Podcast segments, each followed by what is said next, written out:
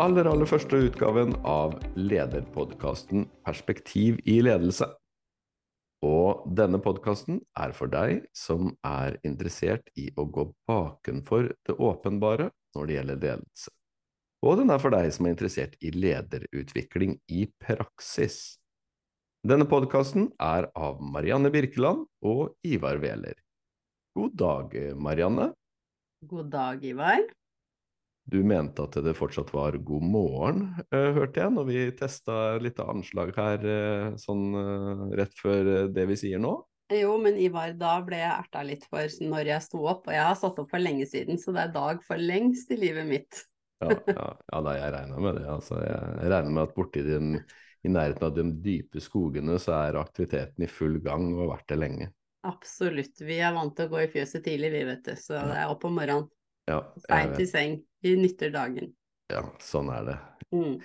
Eh, når vi skal ha denne podkasten, Marianne, så kan det kanskje være greit at vi starter med å introdusere oss litt. Så da, da må damene først. Ja, da må jeg få lov å begynne. Mm. Ja, du sa jo navnet mitt, Marianne Birkeland. Vi har jo kjent hverandre en, en stund, og grunnen til at vi ble kjent, var at jeg har vært leder i kommunal sektor. Mm. Så det var jo i forbindelse med den rollen der at eh, jeg møtte på deg. Og så har jeg jo, hva heter det, jeg er radiograf i bånn. Mm. Så jeg har jo jobba i helsevesenet et liv, for jeg begynner jo å bli voksen dame. Så, men jeg har um, erfaring fra, fra sykehusvesenet, som sagt, og så ble jeg veldig nysgjerrig på ledelse. Så jeg Mm. fikk jo være leder på sykehus, og så åpna det seg et sykehjem i Kongsvinger kommune, der jeg bor.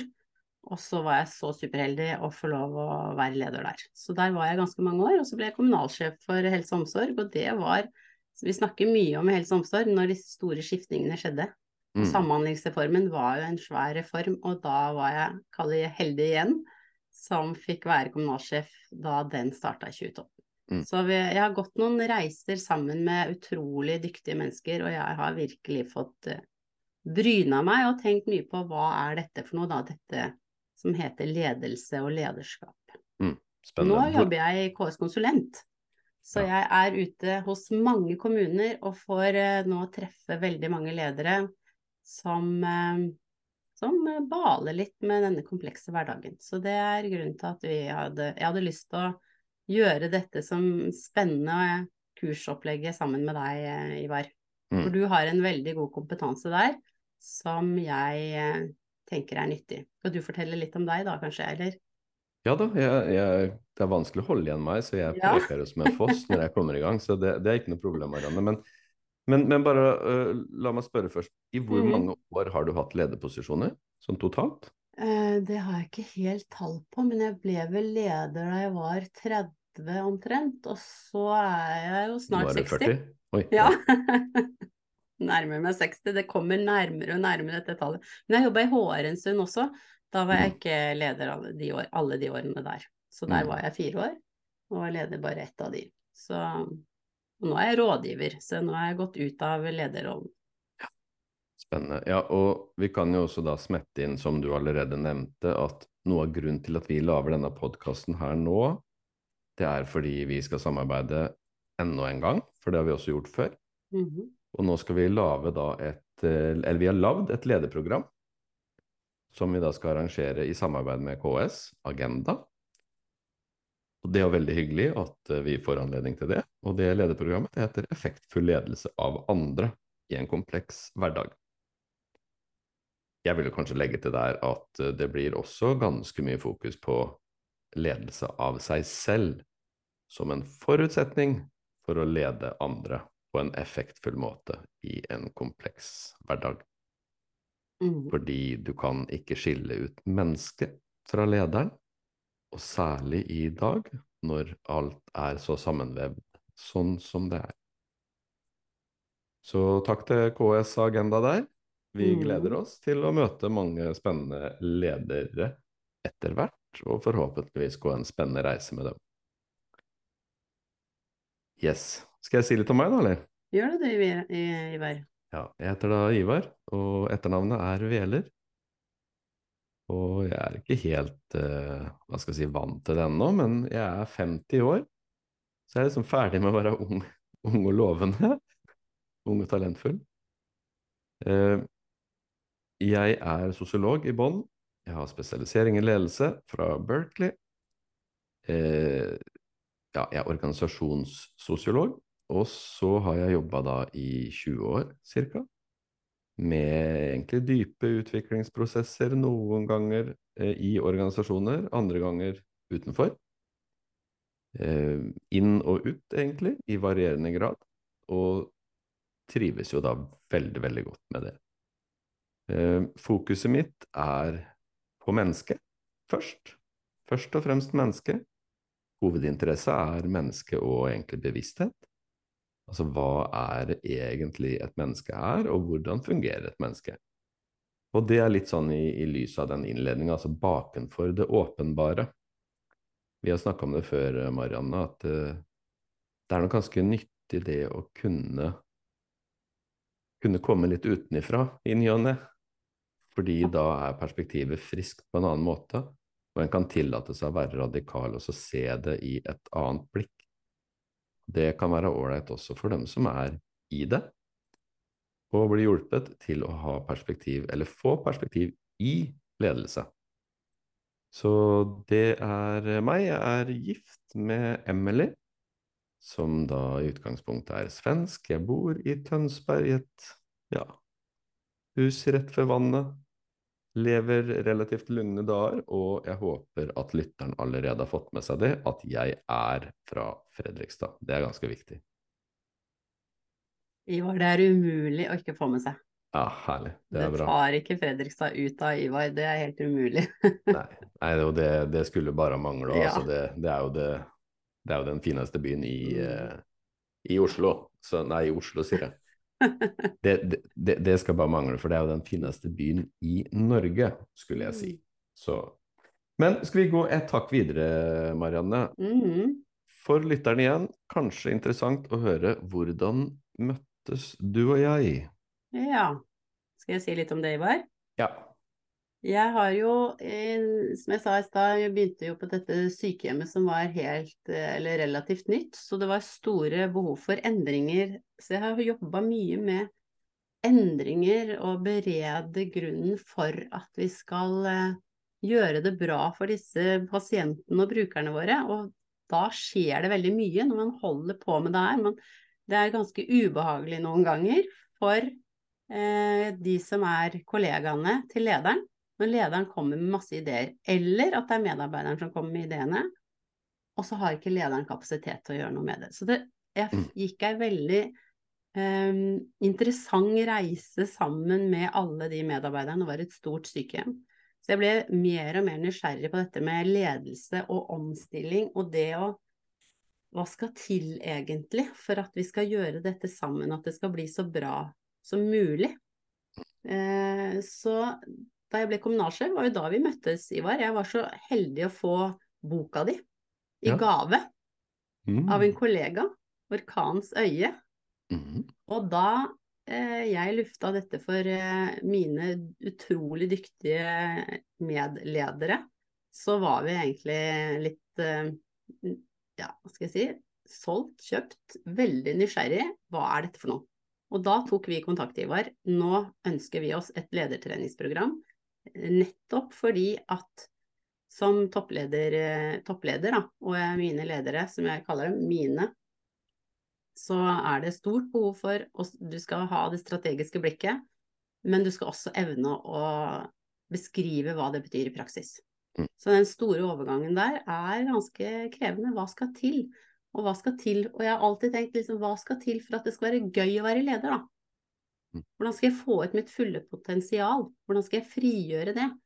For det jeg ser også i den jobben jeg er nå, det er at kapasiteten min er så bindet opp i Ja. alle gjøremål at jeg, jeg klarer ikke å komme løs selv.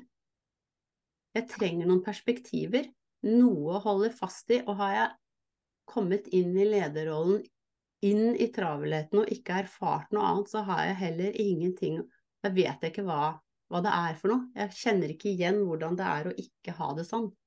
Og det ser jeg mer og mer nå også. Men vi så det vel sammen den gangen, og derfor så tok vi kontakt med deg, Ivar. Jeg tror det du snakker om nå, er, det er, det er veldig, veldig vanlig og ganske problematisk.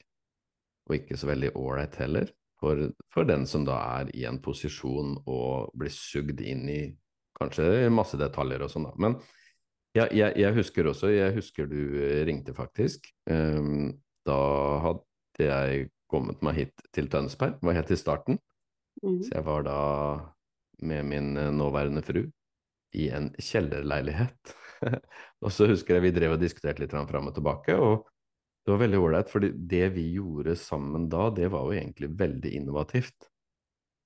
Det er ganske annerledes type tilgang, hvor fokuset var på den enkelte leder, og det å frigjøre dens kapasitet, og gjøre det på ordentlig, egentlig. Så trenger vi ikke å gå inn i alle detaljene, fordi det er såpass innovativt at det kanskje er litt eh, over um, hva skal jeg si, over hva som er vanlig, i hvert fall. Men, men det å tilnærme seg litt en sånn en type tilgang som vi benytta der, tror jeg er veldig nyttig, fordi det var i hvert fall det, det var veldig spennende, og vi holdt på over tid. Og hva disse lederne ga av tilbakemeldinger på effekt, det var i hvert fall uh, veldig, veldig positivt. Så, mm. så, så, så da, da, vet dere som lytter nå, at vi, Marianne og jeg, vi har uh, holdt på litt sammen. Og så stått gjennom noen litt krevende perioder. Uh, og hatt det både interessant og. Skal jeg si bitte litt om det, fordi at det kan jo høres litt hva var det vi holdt på med. Men vi gjorde vi, altså vi var jo modige, for vi turte jo å bli utfordra på mm. perspektivet av deg. Men det du også hjalp oss ved, var jo å begynne med struktur ja, ja. mandat. Så vi ja, begynte jo med egentlig helt basic, men sånn kort fra evalueringen. Jeg husker mm. også en av lederne skrev at nå hennes leder igjen samhandla bedre. Altså de var raskere til å samhandle. Mm. Og det syns jeg er helt nydelig, fordi det her gjør jo igjen at, eh, at, mm, at tjenestene blir bedre, rett og slett. Ja. Så det vi gjorde på ledernivå, viste seg i økt samhandling og bedre tjenester. Ja, og det er jo det som er uh, poenget. Så mm. det er klart at det var uh, all den tid det var relativt dypt og inngående for den enkelte, så var det selvfølgelig høyst praktisk. Så ja. det, er, det, er, bare Altså, jeg jeg er fra Fredrikstad. Jeg er ikke noe Ja, ja, jeg er akademiker sånn et eller annet sted langt bak der. Men, men, det er jo den enkeltes praktiske hverdag som det er poenget å løse opp i, ikke noe annet. Mm. Så, og det, det, tror jeg vi fikk det ganske ok der, da. Så da har vi sagt litt om det. Mm. Mm. Skal vi da starte på dagens episode, nå når vi har gjort innledninga? Ja, det syns jeg vi skal. Det vi har planlagt, det er å si noe om hva som er det viktigste i ledelse i den komplekse virkeligheten vi lever i i dag. Og da kanskje vi kan starte litt da med å definere hva er komplekst i den virkeligheten vi lever i i dag? Altså hva er egentlig kompleksitet i det hele tatt? Skal du si noe om det fra ledererfaringsståstedet. Hvordan oppleves denne kompleksiteten der ute i dag? Mm. Når jeg er sammen med leder i den uh, rollen jeg har nå, i KS Konsulent, så, så kan vi liksom aldri snakke med lederne uten å ha dette, disse forventningene som kommer fra samfunnet. Mm. Eh, og det er ganske, blitt ganske komplekst. Det har egentlig kanskje alltid vært det. Men nå er det ekstra komplekst fordi at eh, vi har jo sagt eh, Jeg har også tatt noen studier i master i ledelse og innovasjon, og da handler det om å gjøre ting på en annen måte. Men nå er det altså så mange som blir eh, over 80 år. Andelen over 80 år øker ja. så ekstremt samtidig som det blir færre i yrkesaktiv alder. Mm. Og i tillegg så er det et eller annet med dette landet som gjør at vi har så veldig, veldig mange som er i den yrkesaktive alderen, som ikke er på skole eller jobb. Så dette her er eh, alvoret for, eh, for lederne, og i mange kommuner nå så, så, merker de det allerede. De klarer rett og slett ikke å rekruttere. Mm. Så de står med mange oppgaver, og de har ingen folk til å hjelpe seg med dem. Mm. Det er, det er liksom status kommunene nå. Så det er de store byene, merker det også allerede. Mm. Og, og, det der er jo et, si, et veldig krevende scenario å i det hele tatt forestille seg hva eh, vil føre til. Mm. Fordi der, der, ligger det ja, der ligger det noe ressursmangel. Eh, Men jeg, jeg, vil ta et annet perspektiv, fordi nå har jeg jobba både mye i det private og også en del i det kommunale. Og jeg tror vel at vi må si det sånn at det er en oppfatning der ute, i dette landet vi lever i, da, at det er et litt høyere nivå i det private enn det er i det kommunale og i det statlige. Det vil si at de som da leverer et samfunnsoppdrag for oss, altså kommunale tjenester og statlige tjenester osv., som da egentlig forvalter helhetens ressurser, de eh, er det gjerne litt sånn oppfatning at de kanskje ikke leverer like effektivt og effektfullt som de som er i det private. Det i og med at jeg har vært i begge leirer, så, så, tror jeg rett og slett at uh, det må jeg bare motstride på det absolutt sterkeste. Og det er en annen ting òg, når det gjelder kompleksitet. Kompleksiteten i å løse et samfunnsoppdrag hvor alle typer tjenester og alle typer forventninger og krav fra dem som skal motta tjenestene, dem slås sammen. Det er vanvittig mye mer komplekst enn å selge en dings eller fokusere 100% på kun litt økt profitt. Så jeg husker, og det er, det er, lenge siden faktisk, for jeg var inne og hadde noen workshops med alle lederne i Fredrikstad kommune for lenge siden. Og der var det en rådmann, han het rådmann den gangen, han er vel så vidt meg bekjent i dag leder av KS. Og da snakka vi en del om denne kompleksiteten. Og summa summarum, for meg så opplever jeg det som at kompleksiteten er høyere for ledere i kommunal sektor enn den er i privat. Og da er det selvfølgelig en generalisering. Men det, det, det, det er i hvert fall sånn jeg ser det. Hva, hva, hva tenker du om det, Marianne? Er det noe som du kan gjenkjenne akkurat det der? Absolutt. Eh, virkelig absolutt. Og vi har jo mange kommuner i dette landet, og det er jo ingen som har noe Det er ikke noe mindre krav til de mindre kommunene om å levere tjenester etter lover og forskrifter. Nei. Så, så kravene og forventningene er like høye uansett eh, dette bildet som jeg nettopp tegna, og det er vel kanskje akkurat det som gjør at opple altså opplevelsen, det her med å ha vikla seg inn i noe, mm. er så er så, så tight da, at man ikke kommer seg ut av det. Jeg har, er hos ledere som forteller meg at uh, jeg er så sliten at jeg klarer uh, Hvis du spør meg hva jeg har gjort i dag, så kan jeg nesten ikke klare å beskrive det for deg. Sånn at, uh, så kompleksiteten oppleves massiv, og da kjenner jeg at hvordan skal vi hva, hva, treng, hva, hva slags verktøy og perspektiver trenger vi da, å hjelpe folk med til å se om vi skal hjelpe dem, eller hva, det, hva slags verb vi skal bruke. Men i hvert fall, dette her er eh, dette er virkelig en opplevelse av kompleksitet, og at vi nå må gjøre ting på en annen måte. Og vi er nok vant til å være høy, høy produktivitet, men vi har også vant til å øke årsverk, sånn at vi har alltid hatt folk til å hjelpe oss med mm. utfordringene når det er, oppgaveomfanget har økt.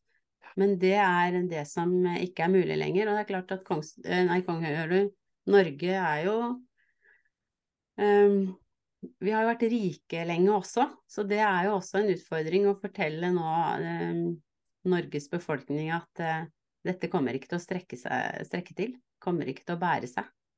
Så det er um, lederne, i tillegg til å håndtere de interne utfordringene med å få beskrevet dette bildet, nå må vi gjøre noe, så skal de også beskrive dette bildet til innbyggerne sine.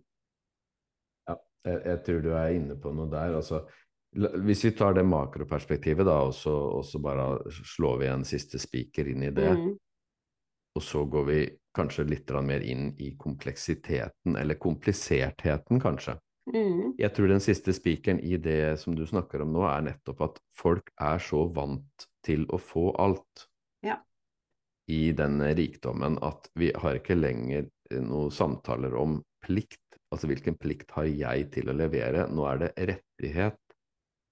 Så jeg er ikke veldig misunnelig på dem som sitter og styrer skuta Norge AS, hvor alle har interesser, og alles interesser skal dekkes, og alle skal ha mer, og ingen er fornøyd hvis ikke de får mer. Så det blir vanskelig å prioritere. Og det er jo den prioriterings... Eh, hva skal jeg si, vanskeligheten som vi kommer inn i hvis kompleksiteten blir for høy. Mm. Og Problemet da, hvis vi går inn i kompleksiteten, er at hvis du blir sugd inn i det, så vil du ikke ha mulighet til å kunne prioritere. Fordi da kollapser perspektivet.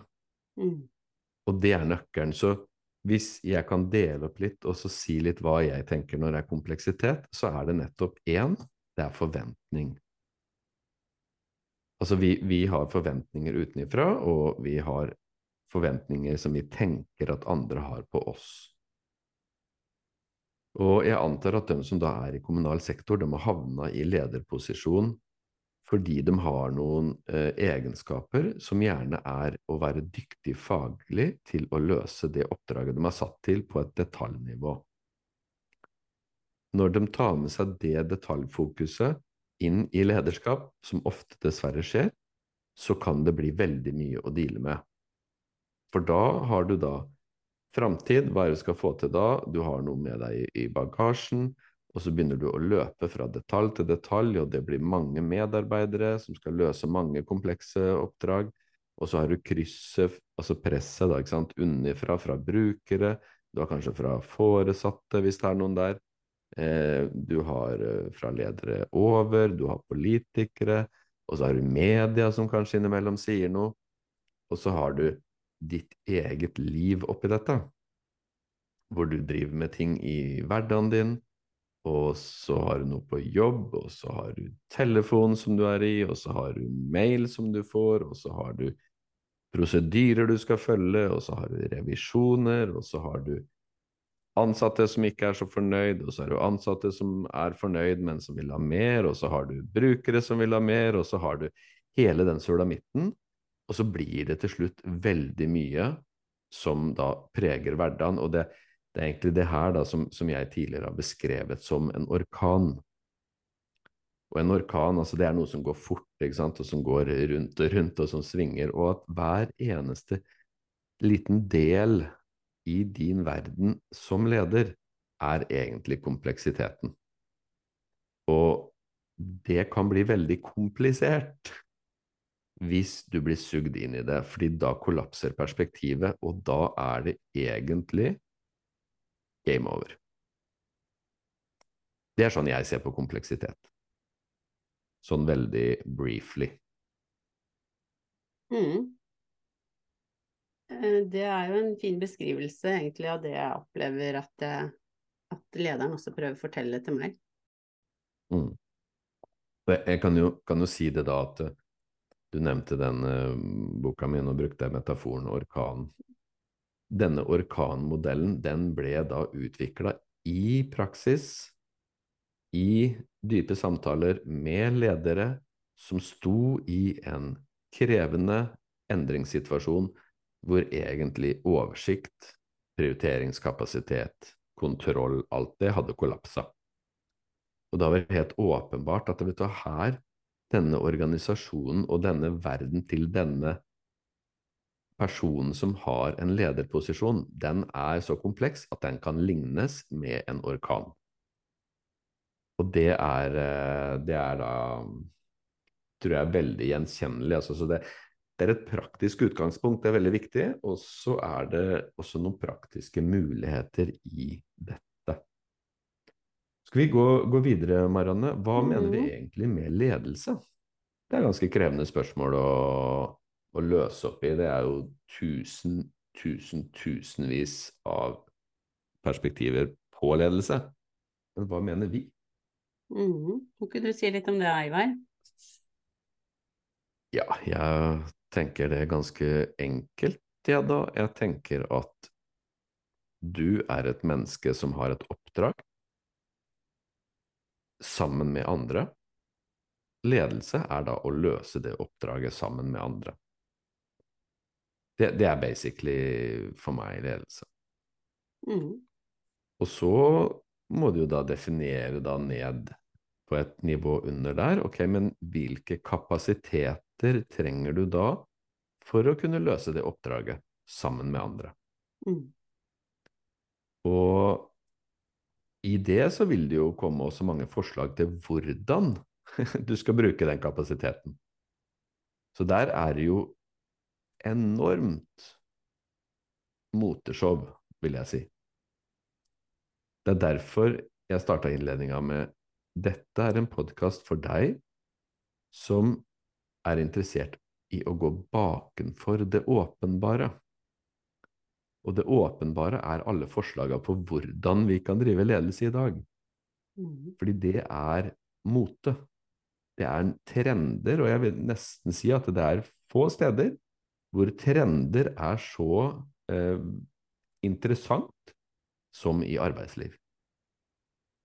Så da er det Ja, du kan ha transaksjonsledelse, du kan ha eh, servant leadership, du kan ha eh, transformational, altså transformeringsledelse, eller hva du kaller det. Altså, du kan ha masse ulike sånne.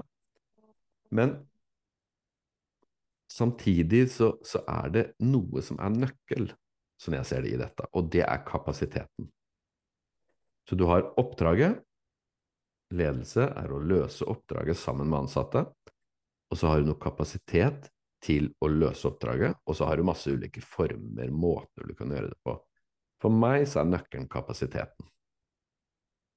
Det kan jeg jo komme tilbake til hva jeg mener med det. Mm. Jeg støtter deg i det moteshowet, Ivar, men det er ikke så lett å avsløre at, jeg holder, at det er det jeg holder på med, at jeg er på catwalken. Fordi hvem skal jeg som eh, kaller meg selv liten leder eh, i alt dette store, ikke sant, si Mm. stopp? Eller klare å avsløre at eh, nå prøver jeg egentlig bare å herme etter beste evne til en eller annen bok eller en eller annen leder som jeg har sett opp til. Og så tenker jeg Mm. at ja, men det blir vel aldri feil å prøve å herme, men hvem er jeg da? Våger Ja. jeg være meg i å utvikle meg i lederskapet mitt? Ikke Mm. sant? Og så er det veldig mange bøker som, eh, som eh, beskriver hva du skal gjøre, og dette Gjør sånn, så får du det til. Ja. Ikke sant? Sånn at det er, en, det er jo en jungel der ute. Hvis man begynner å lese bøker om ledelse sånn som jeg har holdt på, så, så kommer det en og annen bok som har, setter dette her eh, litt sånn på tvers, tar et sånn skråblikk inn på alt dette som dukker opp. Mm. Men det er ikke det her å være ny leder, da, sånn som du beskrev i stad. Det her med den faglige lederen som går inn i lederskapet og har med seg fagligheten sin, og kanskje da vant av oppmerksomheten sin mer på detaljene. Men liksom jeg sier, litt sånn på randen av ledelse, ikke sant. Fordi lederen over har jo sett at her er det et potensial. Jeg har et potensial til å løse et oppdrag sammen med andre. Det er det, nettopp det jeg er god på. Jeg får andre med meg på disse viktige oppgavene som heter å levere gode tjenester. Mm. Ikke sant? Mm. Og når Mm. jeg gjør dette, så ser jo lederen over meg at yes, når eh, Per og Kari gjør dette, så har jeg, altså lederen over, kontroll på kvaliteten. Og det er jo bare helt nydelig. Men det vi kanskje kan glippe litt på, da, det er hva skal da til for å denne nøkkelen som er kapasitet, som du sier, hvordan skal Mm. jeg klare det skiftet? Ja, Mhm, og, og da er jo nummer én altså hva er denne kap- kapasiteten? mhm, Men, men først bare kommentere det med, med mote. Mm. Jeg tenkte på det i går, tror jeg, at det Jeg gleder meg selvfølgelig til at vi skal komme i gang skikkelig med, med dette lederprogrammet og sånn. Og så tenkte jeg at det kommer til å være helt sånn skjært tvers igjennom. Ja, vi kommer jo selvfølgelig til å bruke altså metoder og ha noen perspektiver, kanskje også noe fra noe teori, men egentlig det eneste som jeg ser for meg vi kommer til å fokusere på, det er rent praktisk.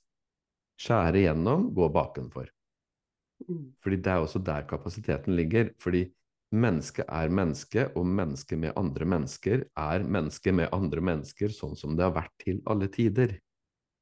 Så, så det er ikke noe endring. Men hvis vi skal prøve å følge den ene moteretningen etter den andre, så er det noe nytt vi også må få til. Men dessverre tror jeg at det kan bidra innimellom til økt kompleksitet, heller enn å løse opp i. Mm. Så, så hvis vi går videre til neste spørsmål, da, ikke sant? Altså, hva Mhm. er viktig for ledere i en kompleks virksomhet, eller kompleks virkelighet? Da mener jeg nettopp at det, det er kapasitet. Mm. Og kapasiteten, det er din evne til å være klar over hva som foregår når det foregår. Og din evne til å egentlig da betrakte det som foregår, i et hensiktsmessig perspektiv. Så det vil si at det som er viktig, sånn jeg i hvert fall ser det, det er perspektiv i ledelse. Ikke perspektiv på ledelse, fordi det kan fort være teoretisk, men det å opprettholde et perspektiv i ledelse, det er ganske annerledes og ganske krevende. Fordi kompleksiteten, den er bestående av veldig mange deler. Og disse delene går veldig fort. Og disse delene er veldig forlokkende å hoppe inn i for å få en følelse av å ha kontroll. Men det som forsvinner da, det er nettopp din kapasitet til å se. Og hvis ditt blikk blir sugd inn i alle delene som kommer og går i et veldig hastig tempo, da forsvinner kapasiteten, og da kollapser egentlig perspektivet. Og da må du bare løpe fortere for å prøve å beholde kontroll, fordi da må du hoppe fra del til del, men muligheten du har, er å ta ut igjen perspektiv. Og det er en helt fullstendig praktisk tilnærming som handler om deg. For kapasiteten din da, det er egentlig oppmerksomheten din. Og den er så grunnleggende som den kan være. Så det er vel mer i den retninga jeg ser for meg at vi kommer til å gå. Hvordan oppøke evnen til å opprettholde og øke sin kapasitet i en praktisk lederhverdag som er prega av veldig høy kompleksitet. Mm. Du sa noe om min evne til å være klar over det som foregår, når det foregår. Yes. Det er vel der kjernen er, Ivar. Også, men si litt mer om det, for hva skal egentlig til for at jeg kan komme dit? Da? Det høres jo veldig fint ut. Ja, altså Du sa i stad beskrive og forklare kompleksiteten. Mm. Bare det å kunne snakke om det her og bli klar over og identifisere hva er denne kompleksiteten? Da kan du begynne å identifisere er det der jeg skal ha min oppmerksomhet, altså kapasiteten min i de delene her, er det hensiktsmessig? Hvorfor, hvis jeg gir min kapasitet til disse detaljene, hvorfor gjør jeg det? Er det egentlig i overensstemmelse med god ledelse? Er det noe som gjør at kapasiteten min øker? Har jeg det hele og fulle ansvar for detaljene, eller er jeg i lederposisjon satt til å forvalte et mandat hvor det er helheten jeg skal forvalte? Og hvis det er helheten jeg skal forvalte, ja, men da er det ikke så smart å gå inn i alle delene, fordi da kollapser perspektivet. Så, så det, er, det er jo veldig mange ulike tilnærminger, mange innganger til akkurat det her. Så jeg er egentlig Hva skal jeg si? Jeg regner med at du og jeg, når vi kommer i gang i action, kommer til å snakke veldig mye om det samme, igjen og igjen, fra veldig mange ulike vinkler, fordi dette er krevende. Det er også snu egentlig vanemønster fra en måte til en annen.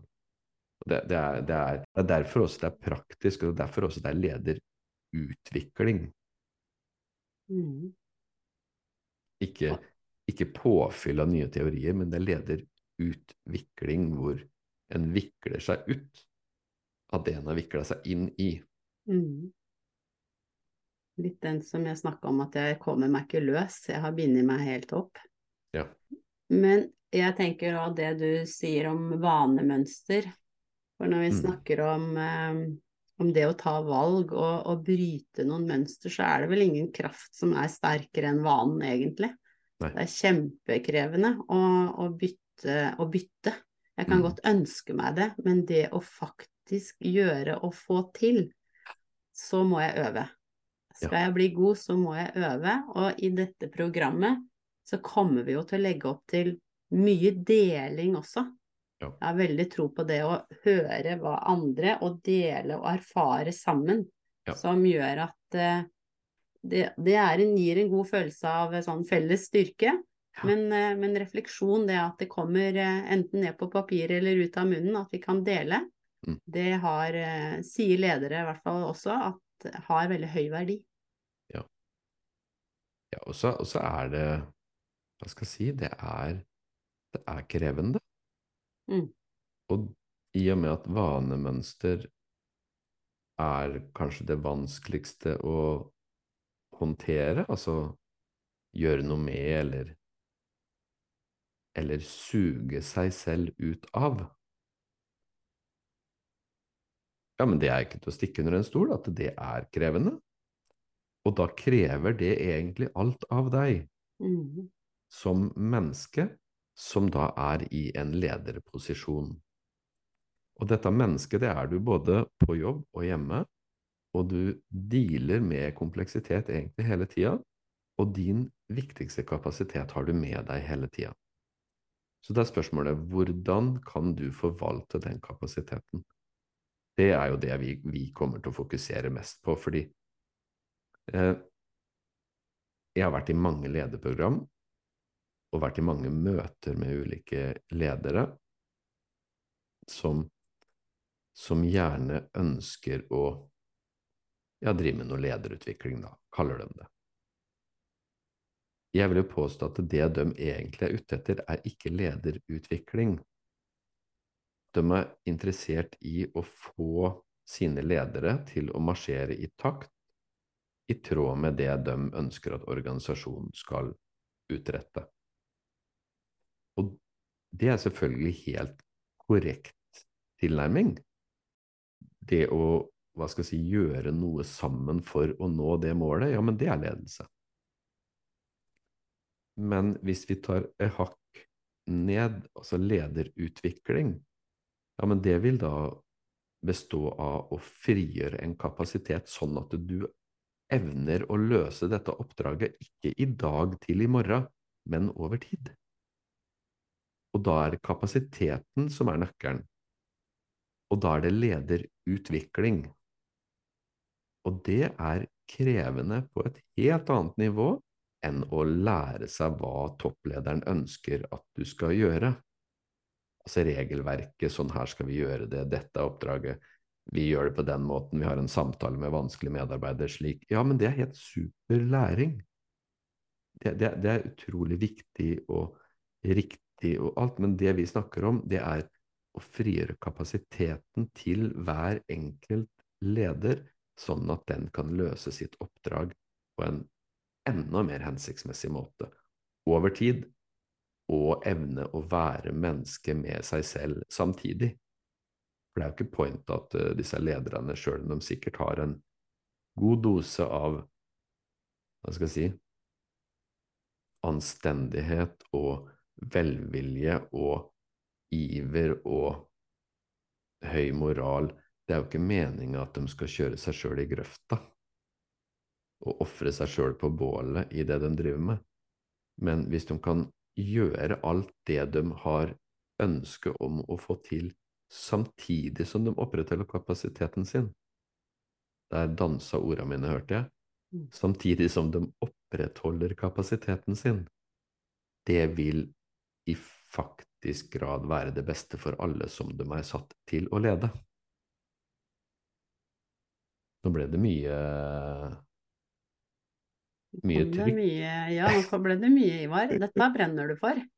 Det veit jeg at det gjør. Og du har jo veldig lang erfaring med å være sammen med ledere i all den kompleksiteten. Ja.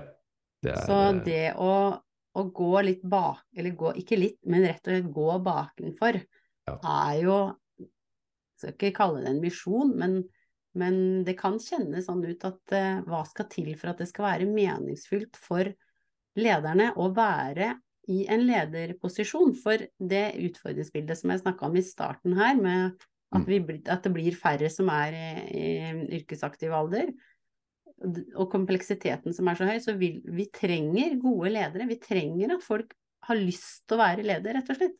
De opplever mestring i lederposisjonen sin. Og jeg har veldig tro på at det her, dette programmet, hele programmet som da skal gå over et helt år, med Mm. flere samlinger, hvor vi også har lagt opp til at de får individuell lederveiledning med deg, Ivar, imellom disse samlingene, så kommer det til å, å skape bevegelse for den som, som ønsker seg det. Og i hvilken grad, det, det er jo selvfølgelig opp til den enkelte, men, men jeg har veldig tro på at dette her kommer til å eh, gjøre en forskjell for den som deltar. Mm. Ja, og det, det, det tror jeg òg, men, men det er nødt til å være en villighet og en vilje, mm. fordi det, det er ikke det, blir ikke et kurs hvor du kommer og sitter og spiser vaffel og drikker kaffe og får påfyll. Kan hende du får vaffel òg. Jo da, veldig bra. Pølse i vaffel til og med, det er ikke noe problem. Det er ikke det at ikke skal ha det trivelig, men det er krevende Mm. å vikle seg ut av noe man har vikla seg inn i. Mm. Fordi det er det, det er det dette går på, og da, da, da blir det å møte egentlig seg selv og sine vaner, og det, det gjør en jo daglig, men Mm. kanskje en ikke er bevisst det. Så det er egentlig å dra for uh, Altså dra sceneteppet til siden, sånn at du kan åpenbare det som da egentlig er åpenbart for deg, men som du kanskje ikke har så lyst til å se på. Da. Men skal vi ta det siste punktet på vår agenda i denne første episoden, Marianne? Mm. Jeg har bare lyst til å nevne det du, i en liten tanke til rundt det med vane. Mm. For når jeg skal bryte mine egne vanemønstre, Mm. så er det jo de jeg leder sammen med, de jeg skal løse et oppdrag sammen med. Jeg må også håndtere deres reaksjon på at jeg har brutt mitt vanemønster. Yep. Så det vil vi også snakke om. Og det er jo kanskje nesten like krevende som å deale med det som skjer inne på den indre scenen. Ja, jeg tenker det må være veldig krevende for deg, Marianne. For at jeg har jo ingen vaner, så jeg vet ikke åssen det her er. Snakker for meg sjøl, men på Ja, seg selv ja. kjenner man ingen andre. Nei, nei, nettopp det. Snakk for deg sjøl. Ja, jeg gjør det. Hele tida. Ja. Nei, men skal vi ta neste punkt, eh, Ivar? Ja. Eh, Det, det vi har snakka om når vi har forberedt litt grann her, er eh, at det er viktig med et referansepunkt. Så vi snakka om eh, alle detaljene i kompleksiteten, alt tempo i det hele tatt, og at det er veldig fort gjort å bli sugd inn i den kompleksiteten, sånn at perspektiv i ledelse kollapser. Og da er det da sånn med denne modellen, eller dette bildet i hvert fall, at en orkan har også et senter. Mm. Og det Hvordan- mm, det Hvordan skal jeg liksom- lede fra dette senteret? Ja. Mm. mm, Vet jeg at det er et senter? Mm. Har jeg noensinne opplevd det? Sånn Ja. at jeg vet hva jeg kan eh, skal lene meg tilbake og gjenkjenner det. Mm. Er det mulig å, å være i dette øyet selv om orkanen blåser? Mm. Hvis jeg ikke evner det da, Ivar, hvordan går det med de jeg er leder for, og sammen med? Nei, det går vel sånn som det går, det. Mm. Da er, er, vi ute i orkanen alle sammen. Det er ja. ganske avgjørende at lederen eh, evner å, å, være klar over hva som foregår, som du, nevnte, som du sa i stad. Ja. Er jeg nå ute i spinnet for det som vi kan vel si helt sikkert, når vi snakker om disse vanene som, og, og, mønstrene som skal brytes, så jeg, har jeg vent meg til å være ute i spinnet, som jeg kaller det, så mm. kommer jeg til å skli uti der igjen. Men det er da det er så nydelig å ha eh, opplevd å være i orkanens øye, sånn at jeg vet at åh, oh, nei, her kan jeg ikke være, dette har jeg ikke godt av, jeg tåler det faktisk egentlig ikke. Nei, og det er det som er så nydelig mm. i denne mekanikken, vil jeg kalle det. Har du erfart å lede fra orkanens øye, så gjør det så veldig mye vondere for deg å falle ut igjen. Og det. det er nydelig mekanikk. Fordi da kjenner du det du kanskje ikke kjenner i dag. Så hvis du er i orkanens vold, og du ikke er klar over det, nei, men da vil du heller ikke merke bevisst konsekvensene av det. Men du vil kjenne at det er noe som ikke er helt ålreit. Men har du har referanse, hvor du da har kjent at det fins en annen måte. Når du da blir sugd ut igjen, så vil du kjenne det, og det blir vanskelig eller til dels grusomt. Mm. Og det er bra, fordi mm. da er det lettere å suge seg ut igjen og rett og slett finne sitt sete der hvor perspektiv i ledelse er mulig. Mm. Det handler om å redde seg selv av det bålet du snakka om i stad, Ivar. Mm. Mm. Men uansett hvor eh, mye vi har greid å lokke fram en nysgjerrighet nå til de som eh, hører på oss, så tenker jeg jo at nysgjerrighet er absolutt nok for å komme til oss. Ja, ja, er du gæren. Er jeg nysgjerrig på dette her, hva er det som skal til? Hvor, hvor klar over er jeg evnen min til å følge med på det som foregår? Får jeg det med meg? Mm. Har jeg lyst Hvor har jeg oppmerksomheten min? Eh, hvordan er det med kapasiteten? Hvor, hold, hvor har jeg faktisk oppmerksomheten min? Så det er evig nok å bare være litt nysgjerrig på dette. Så skal vi alltids fylle på med mer når man kommer. Jeg er helt sikker på at det her blir en veldig fin opplevelse for de som er med oss. Det tror jeg jo. Men krevende, ja. Men fint.